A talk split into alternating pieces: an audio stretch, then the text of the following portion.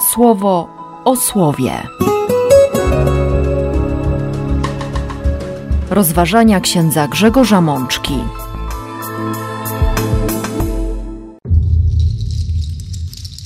Trzydziesta druga niedziela zwykła, rok B. Z pierwszej księgi królewskiej. Nie bój się, idź i zrób tak, jak powiedziałaś. Psalmu 146. Szczęśliwy, kogo wspomożycielem jest Bóg Jakuba i czyja nadzieja opiera się na Panu, jego Bogu. Z listu do Hebrajczyków. Chrystus wszedł nie do sanktuarium zbudowanego rękami, będącego odbiciem prawdziwego przybytku, lecz do samego nieba, aby teraz stać w naszej sprawie przed obliczem Boga. Z Ewangelii według świętego Marka. Zapewniam was, że ta uboga wdowa wrzuciła więcej niż wszyscy wrzucający do skarbca. Siostry i bracia, mamy dziś przepiękną liturgię słowa, która chce nas przekonać, chce nam powiedzieć, pokazać, udowodnić po raz kolejny, że nasz Bóg jest Bogiem troskliwym. Na tydzień przed kolejnym Światowym Dniem Ubogich otrzymujemy słowo, w którym Bóg przekonuje nas, że naprawdę troszczy się, że nie jest mu obojętne, jak żyjemy, co się z nami dzieje, i jego oczy naprawdę spoglądają na tych, których oczy świata przestały już widzieć. A zatem otwórzmy najpierw pierwszą księgę królewską na siedemnastym rozdziale. Pojawia się ni stąd, ni zowąd prorok Eliasz. Biblia wcześniej o nim w ogóle nie wspominała, a teraz nagle staje przed królem Ahabem, królem, który właściwie nie jest panem swojego domu, bo jego domem rządzi żona, Izabel, poganka pochodząca z Sydonu. Namówiła swojego męża, żeby postawił ołtarz Baalowi w swoim pałacu.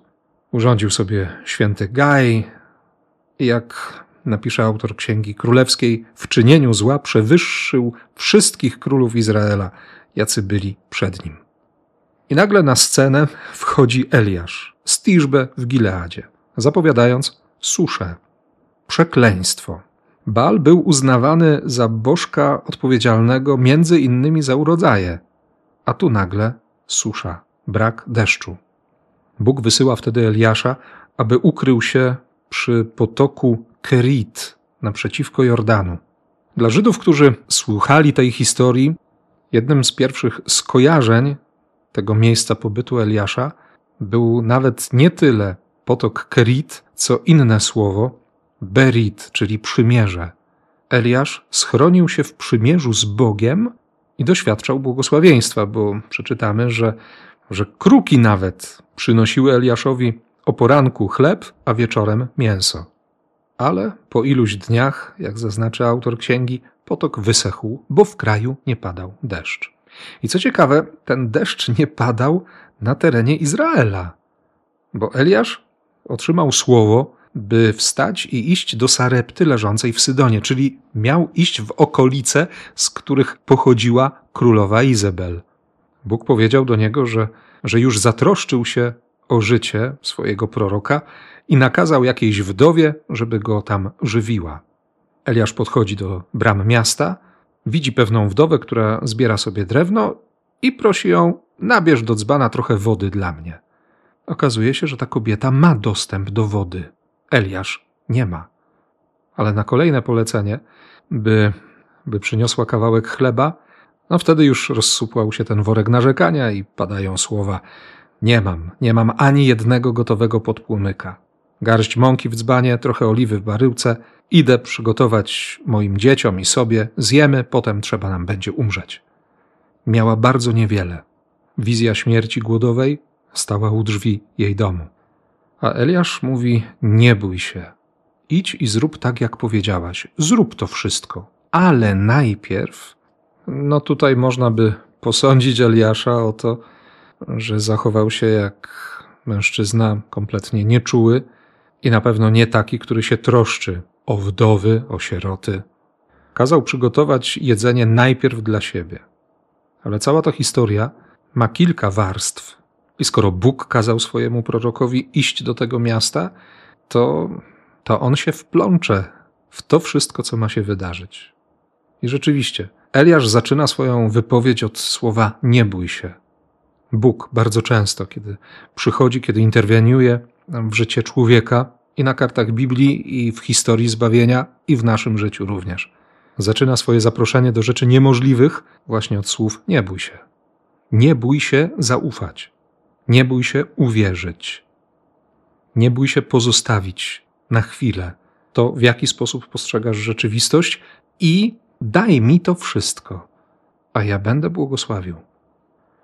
Reakcją kobiety jest posłuszeństwo. Uwierzyła słowu, chwyciła się słowa proroka. Zrobiła dokładnie tak, jak Eliasz powiedział. I rzeczywiście, dzban z mąką nie stał się pusty, nie ubywało oliwy w baryłce, zgodnie ze słowem Pana wypowiedzianym przez Eliasza. Bóg słowa dotrzymał. Wystarczyło zaufać. Podzielić się ostatnim kawałkiem chleba. No, pięknie się słucha tej historii, ale wiemy, że, że dziś to słowo przychodzi do nas nie tylko po to, by nam o czymś opowiedzieć, ale ono jest dla nas lustrem. Jest lustrem dla naszego zaufania, dla naszych otwartych oczu i otwartego serca.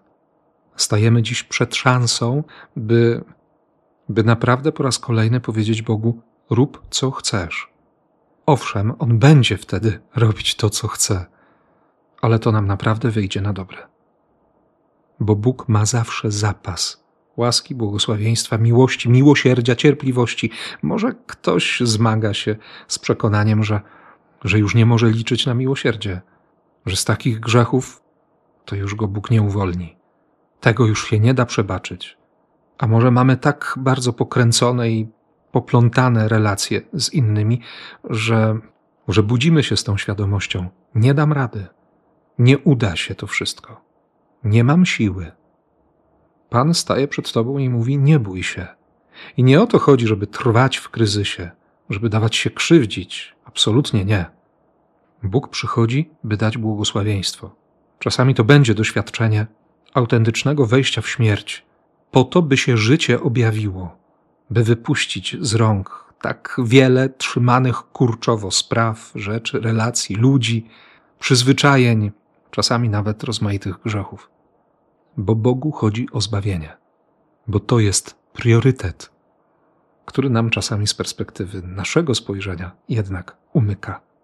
Zresztą to jest ten czas, czas naszej modlitwy za zmarłych, te pierwsze dni listopada, w których widzimy, że, że tak wiele rzeczy, które kurczowo trzymamy w dłoniach, one nie będą miały większego znaczenia.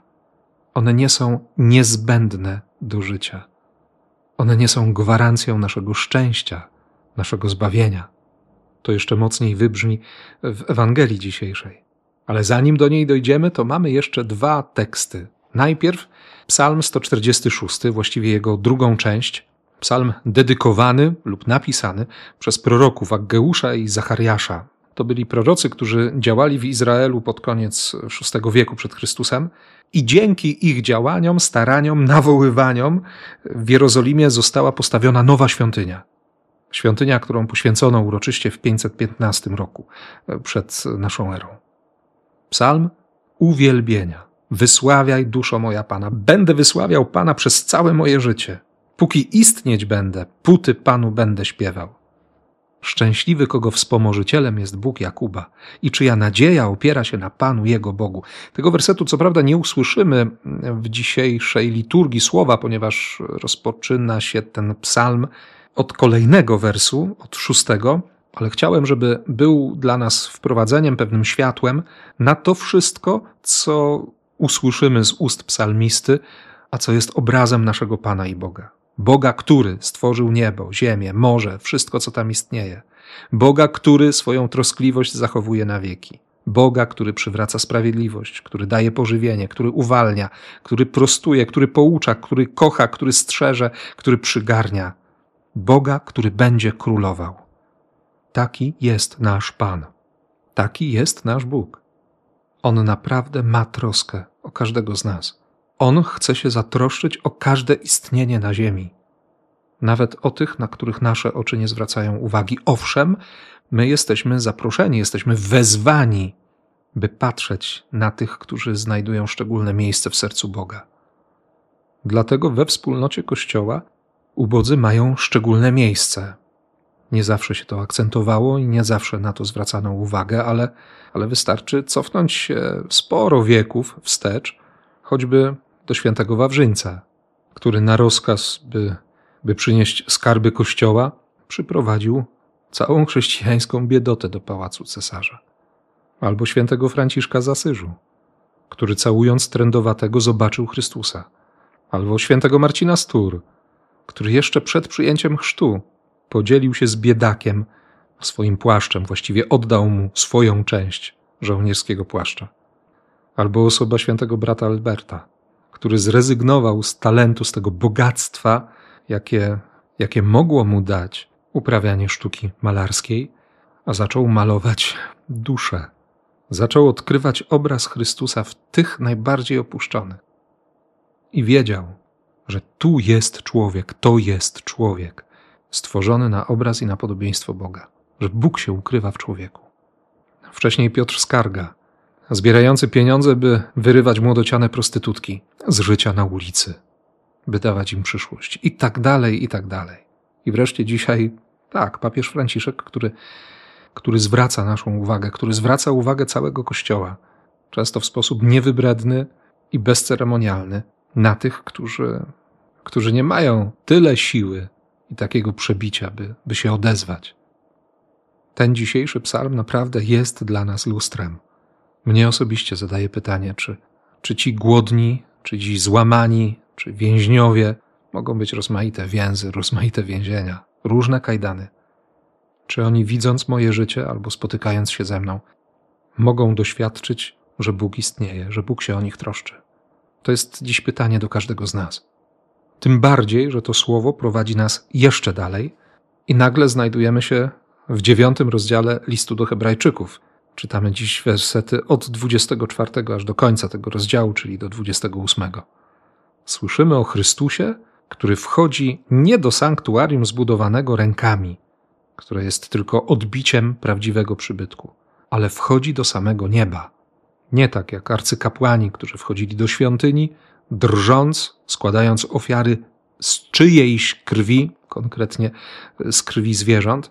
Nie, Jezus wchodzi do nieba, składając w ofierze swoją krew, którą wylał jako przebłaganie dla usunięcia grzechów wszystkich ludzi, wchodzi do tego nieba, aby stać w naszej sprawie przed obliczem Boga. On naprawdę wciąż rozmawia z Ojcem o naszym życiu, o zbawieniu każdego z nas. W jaki sposób nam pomóc, jak nas zmobilizować, w jaki sposób pokazać nam, że, że jesteśmy ważni, że mamy przyszłość, że cokolwiek by się wydarzyło w naszym życiu, to nie jest nas w stanie wyrwać z Bożych dłoni, z serca Boga, które kocha. To jest prawda o Bogu miłosiernym, o Bogu troskliwym, o Bogu zbawiającym. To jest prawda o Bogu, który nam się objawia i który liczy na to, że przyjmiemy Jego objawienie, przyjmiemy Jego miłość, przyjmiemy Jego punkt widzenia. Naprawdę zaczniemy zauważać to, co On nam chce pokazać. I będziemy kierować nasz wzrok w tę stronę, w którą On patrzy. I przede wszystkim będziemy otwierać serce na tych, dla których Jego serce jest wciąż otwarte. W związku z tym nie dziwi dzisiejsza Ewangelia. Najpierw ostrzeżenie przed faryzeuszami, przed uczonymi w piśmie. Szczególnie wtedy, gdy lubią obnoszenie się w uroczystych szatach i pozdrowienia, i pierwsze ławy, i pierwsze miejsca, i, i gdy obiadają domy wdów, i gdy dla pozoru długo się modlą. Jezus demaskuje hipokryzję, obłudę. Ten, który jest prawdą i który jest prawdziwy, chce w spotkaniu z nami prawdy, nie chce udawania. On nawet nie chce zagadywania go albo wydłużania naszych modlitw, tylko po to, żeby potem otrzepać się wstając z kolan i, i mieć taką świadomość, no dobrze się pomodliłem, to już tyle czasu. Nie. Jezusowi często wystarczy tylko kilka słów. Oczywiście, kiedy my zaczynamy odkrywać miłość, bo tu o miłość chodzi, to zaczyna się rozmowa, która może trwać kilka godzin, bo człowiek chce powiedzieć Bogu o tym, co się dzieje w jego życiu. Choć Bóg doskonale o tym wie, ale kocha i słucha. I jednocześnie człowiek liczy na to, że Bóg też będzie dzielił się swoimi tajemnicami, że ta przyjaźń naprawdę będzie bardzo żywa, będzie tętniła miłością. Niestety niektórym się wydaje, że, że długo to znaczy pobożnie. Niekoniecznie. My na modlitwie mamy być prawdziwi. Dlatego Jezus, zaraz po tych gorzkich słowach o uczonych w piśmie, siada naprzeciw skarbca. Mówią niektórzy, że to była trzynasta ze skarbon. Skarbona, do której wrzucano ofiary przeznaczone na całopalenia, dobrowolny datek na ofiarę całopalną, czyli ofiary spalane w całości. Nie zostawało z tej ofiary nic, z czego można byłoby skorzystać. Ludzie wrzucają tam pieniądze. Bogaci wrzucają dużo, ale pojawia się jakaś kobieta, wdowa, bardzo uboga, wrzucająca dwa miedziaki, to znaczy jeden grosz. Prawie nic. I pewnie nikt by na nią nie zwrócił uwagi, gdyby nie Jezus, który wzywa uczniów i mówi: Zapewniam was, ta uboga wdowa wrzuciła więcej niż wszyscy. Z jednej strony ona przeznaczyła te swoje ostatnie pieniądze na Bożą chwałę, na kult. Podeszła z zaufaniem do Boga. Z drugiej strony, w tekście greckim Ewangelii, Jezus mówi nie tyle o tym, że ta kobieta wrzuciła ze swego niedostatku wszystko, co miała, całe swoje utrzymanie, ale całe swoje życie. Ona naprawdę całe życie położyła w dłoniach Boga. Jakie musiała mieć serce, żeby wszystko dać Bogu? Autentycznie i absolutnie wszystko. Oczywiście dla niektórych to może być punkt wyjścia do, do mówienia o trosce o Kościół, o świątynię, o domy parafialne, o rozmaite dzieła, które są prowadzone w Kościele. I dobrze, bo o to też się trzeba troszczyć. Ale wiemy, że ta najważniejsza troska dotyczy i dotyka naszej najgłębszej relacji z Bogiem. Czy stać nas na to, aby ofiarować Mu całe swoje życie, które zresztą od Niego otrzymaliśmy? Czy ponawiamy te nasze akty oddania, te momenty, w których zawierzamy siebie Bogu? Czy jesteśmy im wierni? Czy może jednak chcemy budować na sobie, na znajomościach, na czymś, od czego uzależniamy nasze szczęście? Język hebrajski też tutaj może przyjść z pomocą. Słowo bogactwo i słowo szczęście wymawia się dokładnie tak samo. Tak jakby można było utożsamić bogactwo ze szczęściem i wielu tak robi. Ale żeby zapisać słowo szczęście, trzeba jako pierwszą literę postawić alef, pierwszą literę alfabetu. Natomiast pisząc o bogactwie, użyjemy litery ein. Identyczne brzmienie, ale różnica kolosalna. Jedna litera może sprawić, że, że bogactwo nie będzie tym samym co szczęście. Może być tylko podobne. Może się czasami okazać, że, że właśnie bogactwo, zamiast pozbawiać trosk, staje się powodem rozmaitych kłopotów, czasami nawet przyczyną cierpienia. I, nagle dzieli i rozrywa przyjaźnie, miłości. Wprowadza w świat udawany, niekoniecznie udany. I chyba na to chciał zwrócić uwagę Jezus, kiedy, kiedy zatrzymał wzrok uczniów na tej kobiecie wrzucającej dwa miedziaki. Ofiarować Bogu całe swoje życie. Żeby to zrobić, trzeba mieć naprawdę głęboką relację. Trzeba być przekonanym o miłości, trzeba doświadczyć prawdziwej przyjaźni ze strony Boga. Do tego dziś jesteśmy wezwani. Do tego zaprasza nas liturgia słowa. Do tego będzie nas dziś prowadzić łaska Eucharystii. Więc, siostry i bracia, wykorzystajmy to. Dajmy się pociągnąć Bogu, który jest bogaty w miłosierdzie i którego miłość naprawdę jest szczęściem bez miary. Amen. Słowo o słowie.